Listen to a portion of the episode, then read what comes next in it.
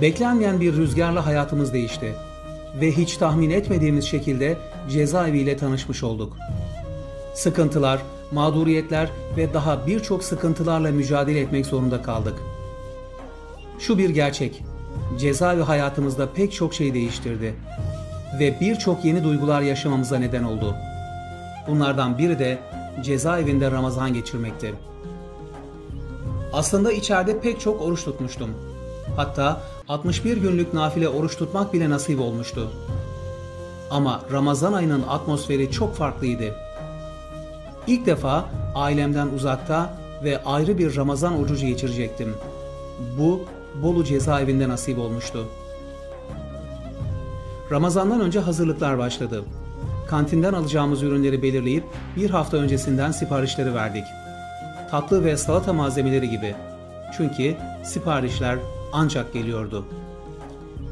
Günlerdir hasretle yolunu beklediğimiz kutlu misafir nihayet gelmiş, ilk sahura kalkmıştık.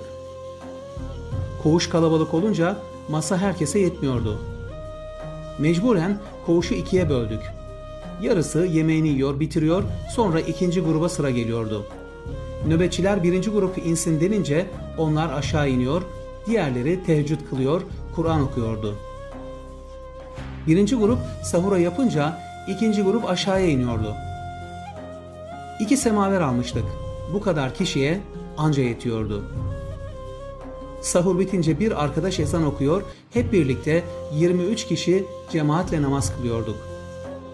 Namazı kılmayan kimse yoktu. Tüm vakitleri cemaatle kılıyorduk. İftar vakti yaklaşınca nöbetçilerin telaşı da başlardı. Bir tarafta güzel insan Tarık kardeşimiz salata hazırlardı. O salatacı başıydı.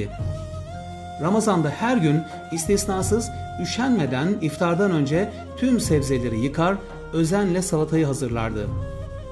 Benim buradaki hizmetim bu derdi. Akşam ezanından önce masa hazırlanırdı. Ekip kalabalık olduğu için birinci parti iftara oturur, onlar iftarını yaparken ikinci grup abdestini alıp namazını kılardı. Onlar namazını kılıncaya kadar birinci grup iftarını tamamlar, ikinci grup yemeğe geçince birinci grupta namazını kılardı. İftardan sonra hep birlikte teravih namazı kılınır, sonrasında ortaya gazeteler serilir.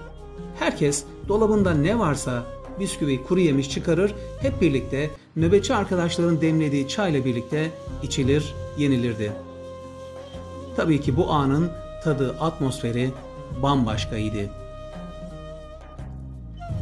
Medrese Yusufiye'de birbirinden değerli, güzel insanlar tanıdım. Özellikle Yusuf amcayı anlatmadan geçmek istemiyorum. Yusuf amca tenekecilik yapıyormuş. Teneke, kova, çatı sulukları gibi ürünler imal ediyormuş. Çok nezih ve sempatik, şakacı bir karakterdi.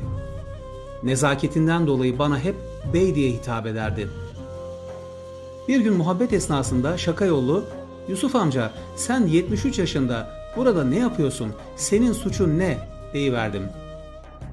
Evlat, ben tenekecilik yapıyordum. Küçük bir dükkanım vardı. Bu millete iyi nesiller yetişsin diye gücüm yettiğince kazandığımdan ufak tefek burslar verirdim. Bir de Rabbimizi öğrenelim diye sohbetlere giderdim. İşte bunlar benim suçum dedi. Peki bu yaşadığımız olaylar, mağduriyetler hakkında ne diyorsunuz, ne düşünüyorsunuz diye bir soru daha sordum. Yusuf amca, bir gün Varaka bin Nefyel peygamber efendimize gelmiş. Ya Resulallah, senin gibi bir şey getirmiş kimse yok ki düşmanlığa ve işkenceye uğramasın. Evlat, din imtihandır. İnandık diyen insanların bu şekilde imtihanlara uğraması gayet normal. Bu da bizim madalyamız olsun. Bu yaşta takmış olduk. Yanlış yaptığımız bir şey yok. Allah için uğraş verdik. Burası benim için bu yaştan sonra ikinci doğuşum oldu. Bu yenilenme dönemi desek daha doğru. Önemli olan Rabbim bizden razı olsun. Onun sevgisini, rahmetini kazanalım yeter. Vesselam dedi. Ramazan bitti. Bayram heyecanı sardı. Bizim için bayram ailelerimizin, sevdiklerimizin geldiği gündü. Çok şükür o bayramda açık görüş olduğu ve sevdiklerimize kavuştuk.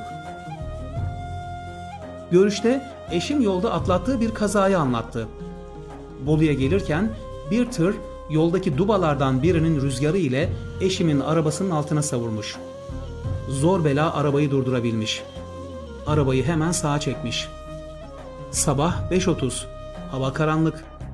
Eşim arabanın park lambalarını yakmış, beklemeye başlamış. Allah'ın işi, ışığı gören bir arkadaş durmuş. Eşim durumu anlatmış. Abla ben tamirciyim istersen bir bakayım deyip geçici olarak sorunu çözmüş. Böylece eşim görüşe yetişebilmiş.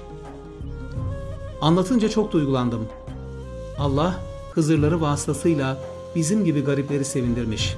Bayram sevincimizi yarım bırakmamış oldu.''